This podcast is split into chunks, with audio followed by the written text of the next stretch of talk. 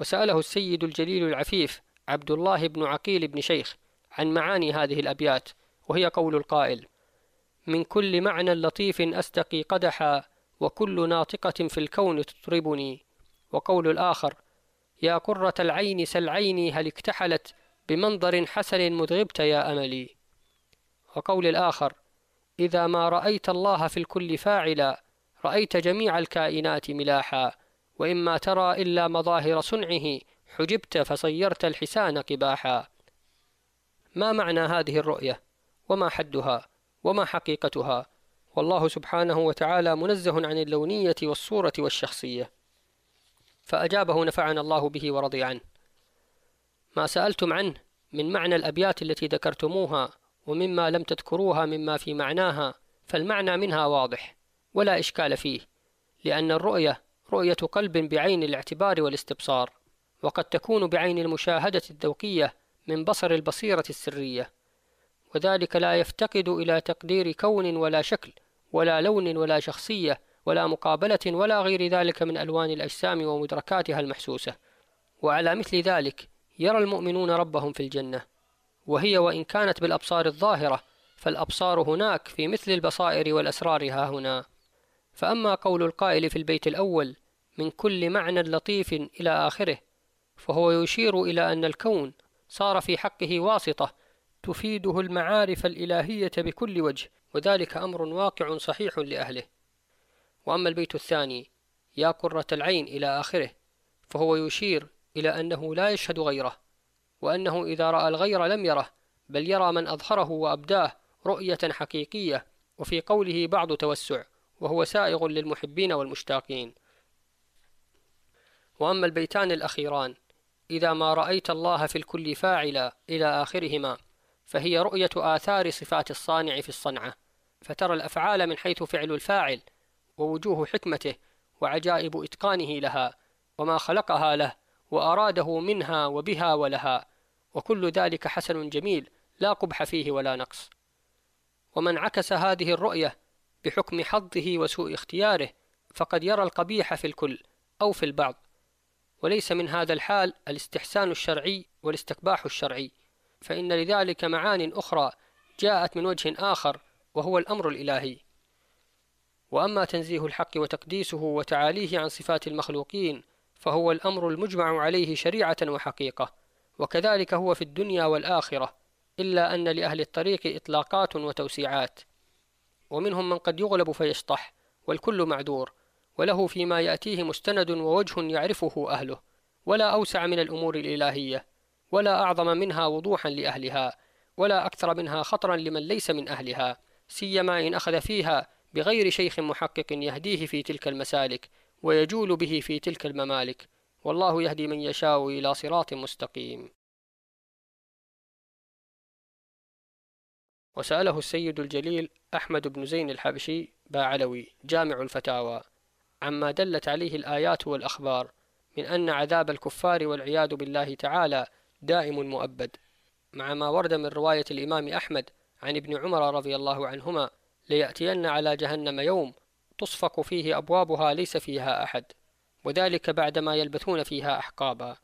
ونقل غير واحد نحو هذا عن ابن مسعود وأبي هريرة ونقله ابن تيمية عن جماعة من الصحابة وغيرهم. فما الذي ينبغي أن يؤول به ذلك؟ فأجابنا رضي الله عنه ونفعنا به. ما سألتم عنه فهي مسألة قد كثر فيها الكلام وقد اعترض فيها وبسببها بعض العلماء من أهل السنة على بعض المنسوبين إلى طريق الله.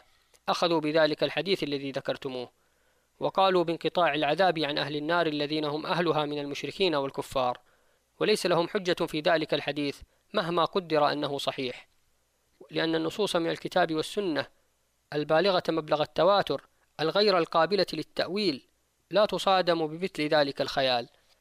وقد رأيت بعض أهل العلم ذكر في الجمع بين الأمرين وجها فقال إن النار طبقات سبع وإن أعلاها تسمى جهنم وهي التي يكون فيها العصاة من المؤمنين. ولا شك في أنهم يخرجون منها بإيمانهم على تفاوت في ذلك فتبقى بعد خروجهم منها فارغة. أعني تلك الطبقة.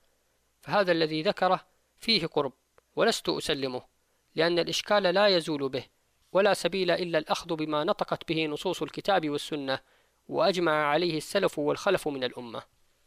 واعلم أن من اتسع نظره في الكتب المؤلفة في أنواع العلوم وجد فيها كثيرا مما يشبه هذه المسائل وربما أثارت عنده شيئا من الأوهام والإشكالات ولا ينجيه من ذلك إلا أن تكون له بصيرة منيرة وقريحة صحيحة. وقد أحرز معتقده من قبل بأخذ عقيدة جامعة مما أجمعت عليه أهل السنة. وقد رأينا مما ذكرناه في الكتب شيئا كثيرا فعافانا الله من الاغترار به ومن الاتباع لما تشابه منه. وعندنا في هذه المسألة التي ذكرتموها كلام طويل لكثير من المتصوفة وفي غيرها من المسائل التي تجري مجراها. وأظن أن الشيخ ابن حجر أشار إلى هذه المسألة في بعض المواضع من الزواجر. وقد طال العهد بذلك الكتاب وما هناك ما يقتضي الإشكال عند من كان له قلب أو ألقى السمع وهو شهيد.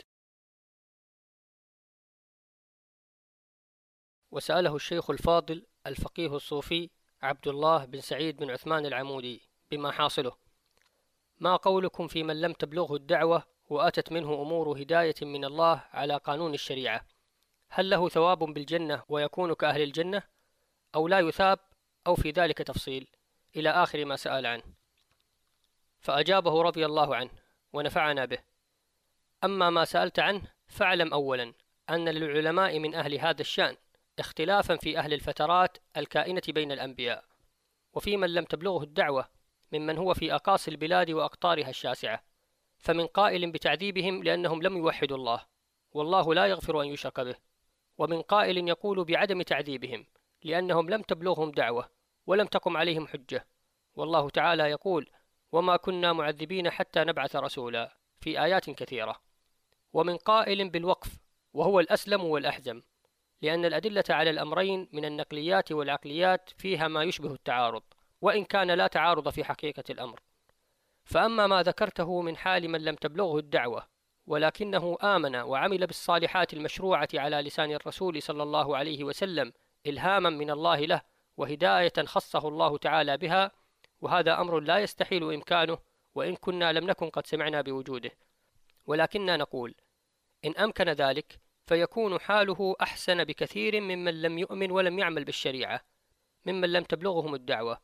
وقد قيل إنه يرحم ولا يعذب كما سبق. ومن القائلين بذلك الإمام حجة الإسلام في كتابه التفرقة بين الكفر والزندقة. والله أعلم بحقائق الأمور وبعواقبها ومصائرها وبكل شيء من جميع وجوهه ومن جميع جهاته. والناظر في هذه الأشياء إن كان ممن يخشى الله ويتقيه لا يمكنه القطع والجزم إلا بما صرحت به الشريعة ونصت عليه نصا محققا لا معارض له. وهذا في أمثال هذه الأمور كالمتعذر. فتأمل ما ذكرناه حقه فإنه جامع ويتناول أكثر مما وقع السؤال عنه. والله الهادي إلى الصواب.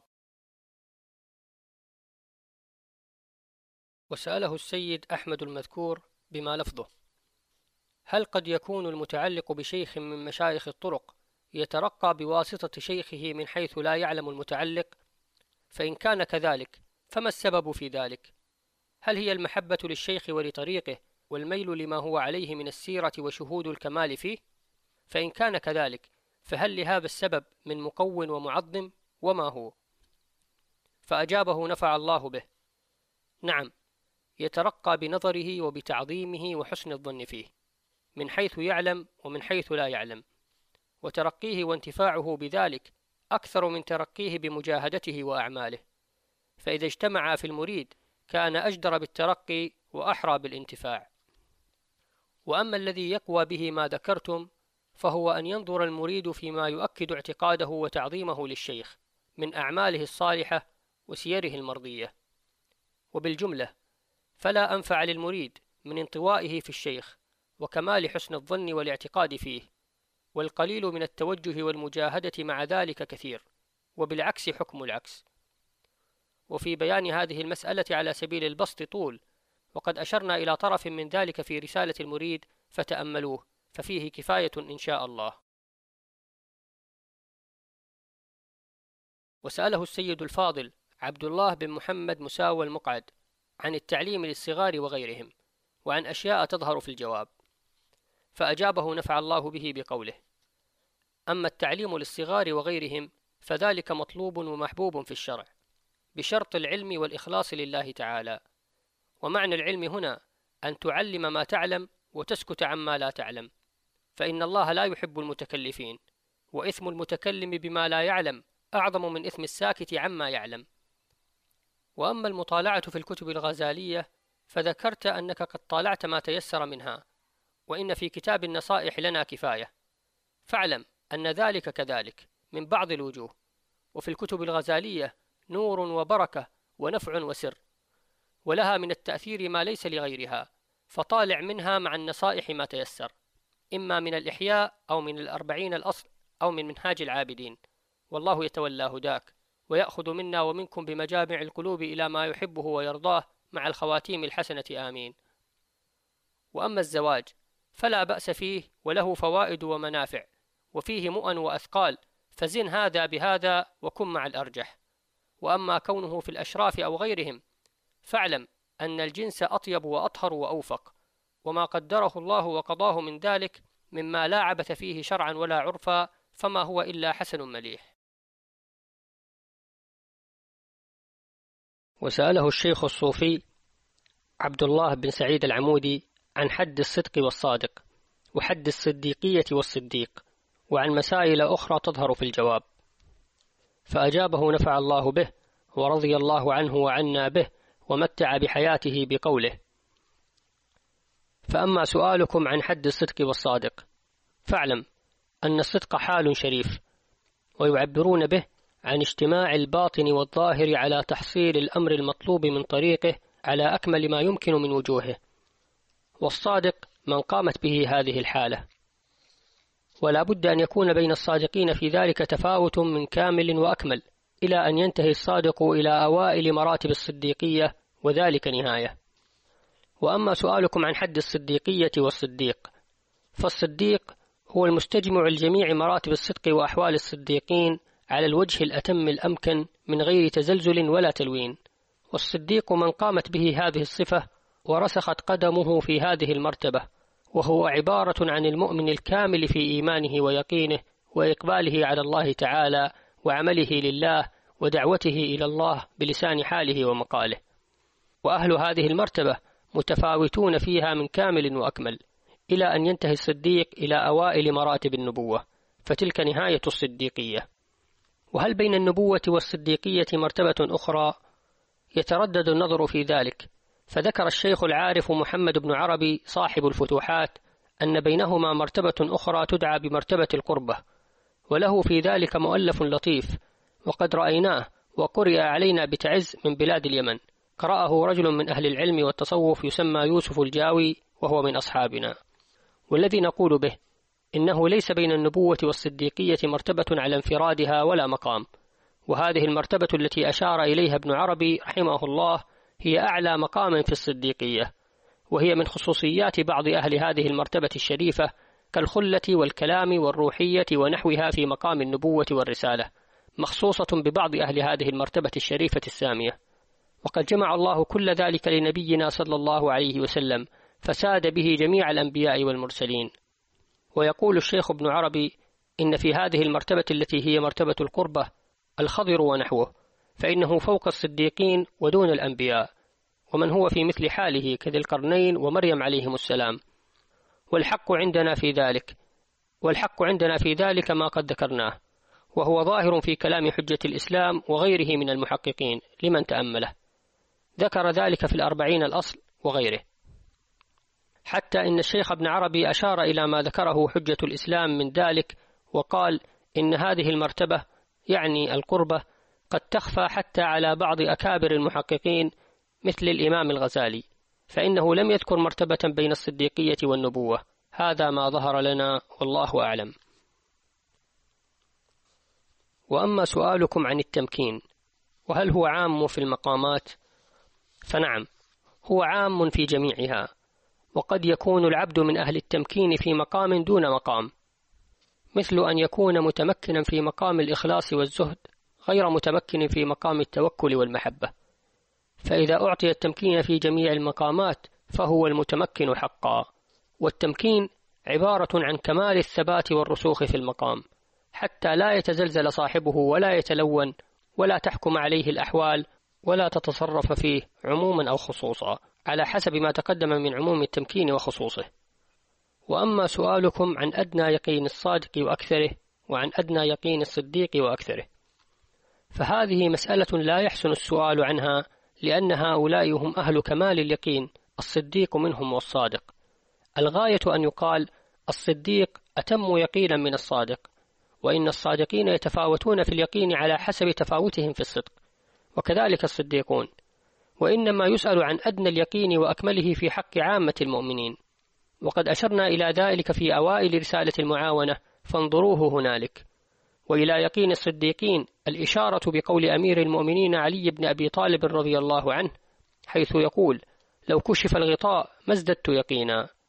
فالغطاء لا بد منه في هذه الدار وهو عبارة عن حجاب ما ولكنه قد يرق ويلطف جدا حتى يحسب بعض المكاشفين أنه لا غطاء ولا حجاب والحق أنه لا بد من الحجاب ما دام الإنسان في هذه الدار. لو لم يكن إلا وجود جسم المكاشف وقالبه البشري فهو من حجبه. وأما سؤالكم هل في الصديقية روح للنفس في كل المقامات أو في شيء منها؟ فنعم لها روح وأنس ولكنه لا يسمى حظا لأن النفس بإزاء ذلك الوصف الشريف والمرتبة المنيفة التي هي الصديقية لا تكون إلا نفسا مطمئنة. قد فنيت حظوظها البشرية وانمحقت أغراضها الجسمانية. فنعيمها في ذلك ومنه وبه يشبه نعيم أهل الجنة فيها. لا يشغل عن الله ولا يحجب عنه. إن كان صاحبه بوصف أهل الفناء وبوصف أهل البقاء. وتأمل تمام هذا المعنى في كلام ابن عطاء في أواخر الحكم حيث يقول فيها فإن ينزلوا إلى سماء الحقوق أو إلى أرض الحظوظ إلى آخر ما ذكره هنالك. وأما سؤالكم عن الأفراد هل هم خارجون عن دائرة القطب الغوث كما يقول ذلك بعضهم أو هم داخلون فيها؟ فاعلم أن قد سئلنا عن هذه المسألة قديما وقد أجبنا عنها بما فيه كفاية بالنسبة إلى الزمان والمكان. ونقول الآن إن لله في خلقه أسرارا خفية وخصوصيات وتصاريف لا يحيط بها غيره وإن من أعطاه شيئا من سره أو أطلعه على أمر من غيبه أو صرفه في شيء من ملكه فهو على ما أعطاه. وقد تضيق مرآة بعضهم فيحسب أنه لا شيء وراءه وقد تتسع فيعرف ويعلم أن الذي لديه قليل من كثير وصغير من كبير ولا يحيطون بشيء من علمه إلا بما شاء وما أوتيتم من العلم إلا قليلا. والقطب الغوث هو إمام الأولياء أهل الدائرة والتصريف وهم المعدودون في الأخبار والآثار الواردة فيهم. فإن أطلع الله عبدا على أن له أولياء غير هؤلاء المعدودين فقد يكون من المعدودين كوشف بشيء من أسرارهم الخارجة عن أحكام الدوائر والتصريف فظن أنها رجال وهي أسرار رجال من أهل الدوائر. وإن كانوا رجالا وصح له الكشف فيهم سلمنا له ذلك إذا كان من أهله فإن أمر الله عظيم. وملكه واسع وأسراره لا تحصر على حسب ما قدمناه إلا أن لا نسلم ذلك لكل قائل من أهل هذا الشأن حتى يكون عندنا هو صاحب المقام الجامع للمقامات وهو الإنسان الكامل أو من يقرب من مقامه مثل الإمامين والأربعة الأوتاد أو السبعة الأبدال. وأما من كان من أهل الطريق وإن كان له ذوق وتحقيق فقد تظهر منهم أمور وتفيض منهم كلمات تعد عند أهل التحقيق من التيهات والشطحات. وهم صادقون فيها بالنسبة إليهم ومعذورون لما غلب عليهم وقام بهم من الأمر الإلهي الذي لا يطاق ولا يستطاع منعه إلا أن يقول القائل ما قال. ولعل من هذا الكلام كلام الشيخ الصوفي أحمد با عبد القادر الذي نقلته عنه إن كان هو القائل له وغير مسبوق إليه. وإن كان نقله عن غيره فذلك القائل من ذلك القبيل رحمهم الله. والله يقول الحق وهو يهدي السبيل. وأما ما أشرتم إليه في كتاب وصل منكم قريبا من أنكم فهمتم من جواب صدر منا إليكم وذكرنا فيه أن أهل الله ينقسمون على الجملة إلى ثلاثة أقسام وأن في مقابلة كل قسم منها طائفة من الكاذبين يتشبهون بالصادقين وليسوا من الصدق وأهله في شيء فذلك صحيح. وأما ما فهمته أنت وفهمه صاحبك فالكل من ذلك واسع. غير أن الكاذب الذي يقابل الصادق هو على ضد ما عليه الصادق في حقيقة الأمر وإنما يلتبس الأمر بينهما من حيث الظاهر على من لا تحقيق عنده ولا بصيرة ليقضي الله أمرا كان مفعولا. وأما قولكم في الفناء والبقاء إلى آخره فاعلم أن المعتبر في ذلك ذوق هذه المعاني والتحقق بها دون مجرد العلم فإنه قد يعلم بأحوال الفناء والبقاء من ليس من أهل الفناء ولا من أهل البقاء. وقد يدخل عليه بسبب ذلك شيء من الدعوى من حيث عدم تفرقته بين الأمور العلمية والأمور الذوقية. وأما قولكم هل الفناء فناء وجود أو فناء شهود وكذلك البقاء؟ فاعلم أن في ذلك تفصيلا فمن حيث بعض الأمور يكون فناء وجود وشهود وكذلك البقاء وفي بعض الأمور يكون شهودا فقط والوجود على ما هو عليه.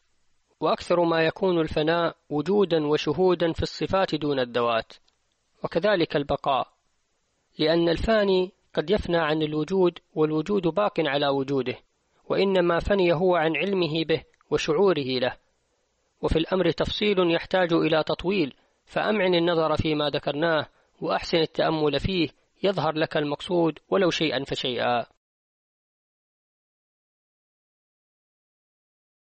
وأما ما ذكرت في الكتاب السابق من وضعك التأليف وأن قصدك أن تذكر في بعض أبوابه من أخذت عنه من أهل هذا الشأن ثم إنك قد وصلت بهذا التأليف إلينا عندما وصلت للزيارة وقع منا النظر عليه.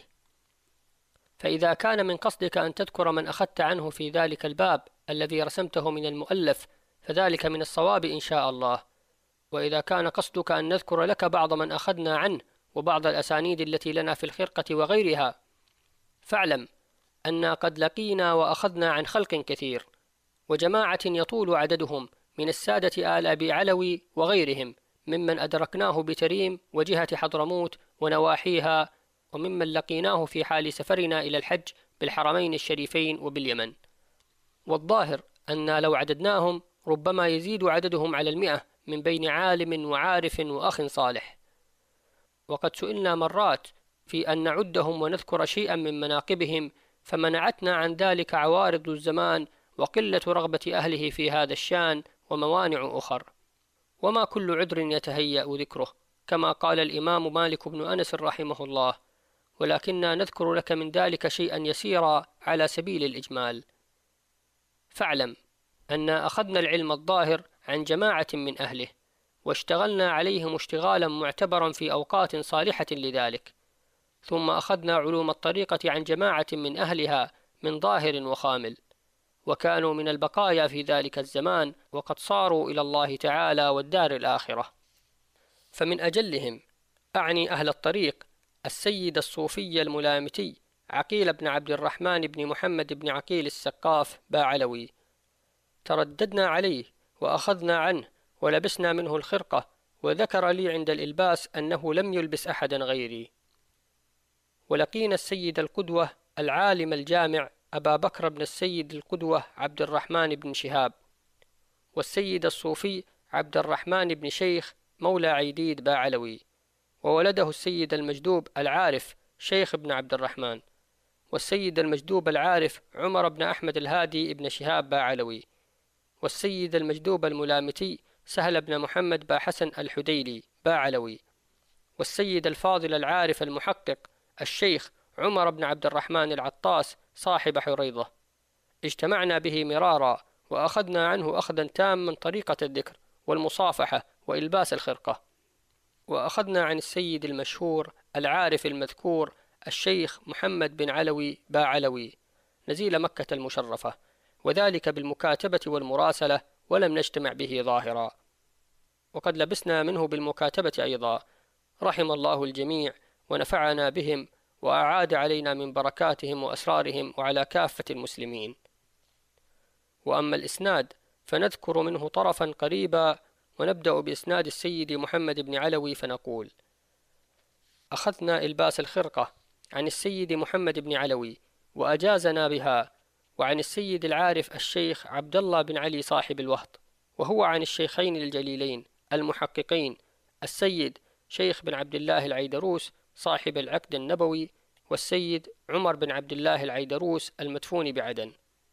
فأما السيد شيخ فلبس من والده السيد الشيخ عبد الله بن شيخ.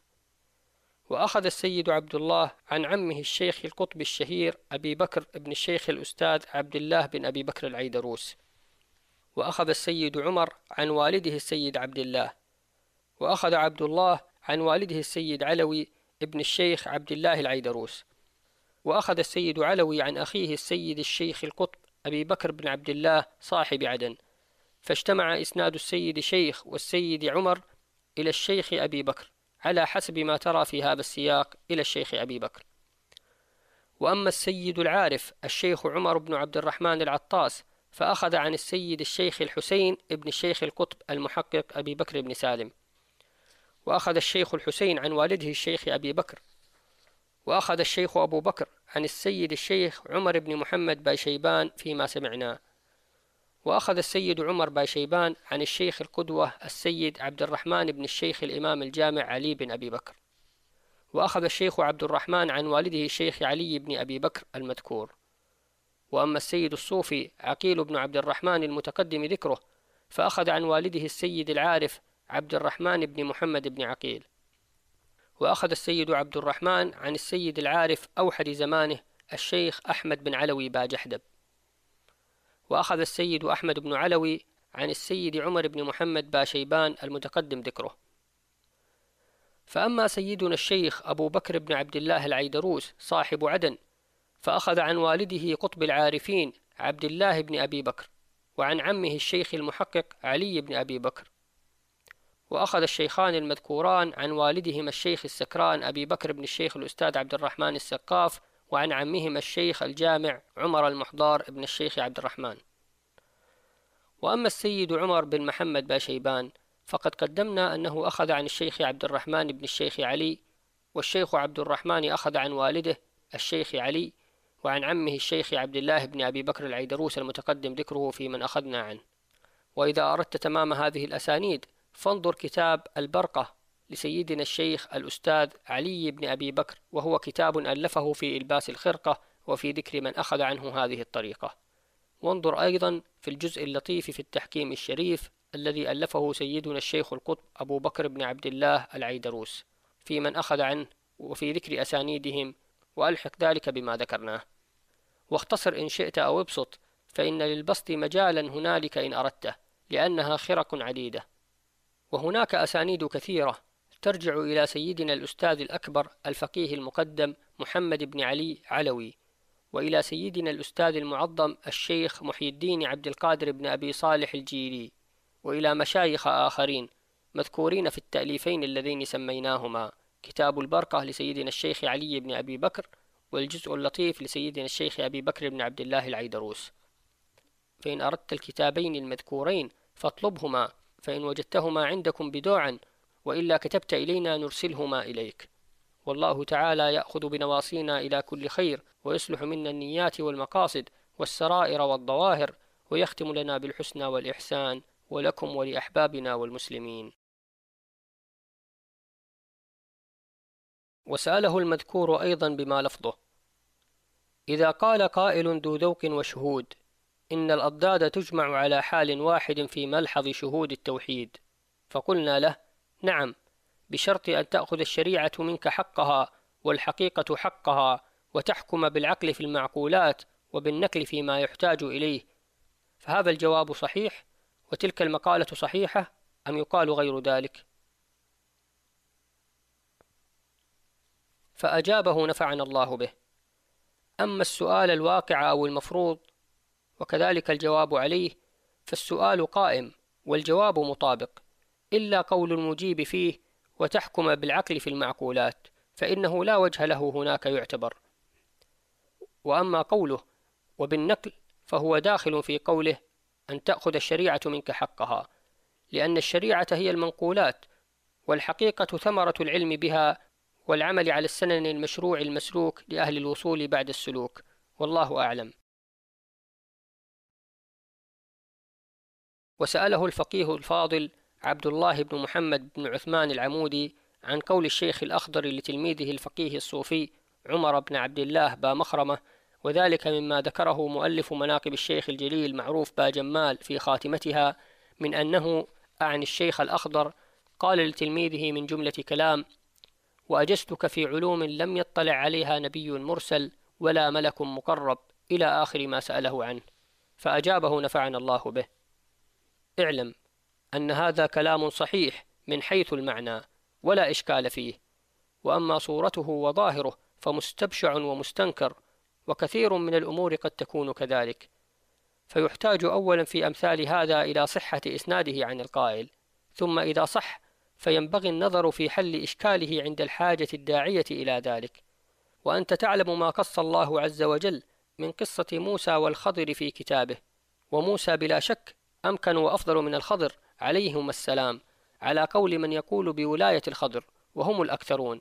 وعلى قول من يقول بنبوته أيضا. وقد انفرد الخضر بالاطلاع على علوم لم يطلع عليها موسى عليه السلام ولم يقتض ذلك أفضليته ولا أرجحيته على موسى. فيكفيك هذا شاهدا. والمراتب والمقامات غير العلوم والمعارف. وأنت تعلم أن بعض عبيد الملك من ملوك الدنيا قد يطلعه الملك على شيء من أسراره التي لم يطلع عليها عبدا آخر من عبيده ويكون هذا العبد الذي لم يطلعه على السر الذي أطلع عليه الآخر أرفع وأجل عند الملك من الآخر الذي أطلعه. وهذا قد يكون كثيرا وله مقتضيات وحكم وأسرار. فانظروا الآن فيما ذكرتم فإنه يتضح لكم بما ذكرناه. ويكون مثل ذلك حتى في أولاد الرجل الواحد وفي أصحابه وفي أخدامه وقد يطلع بعضهم على بعض أسراره وغيره منهم أرفع وأكرم لديه من الذي يطلعه على هذا الأمر المخصوص.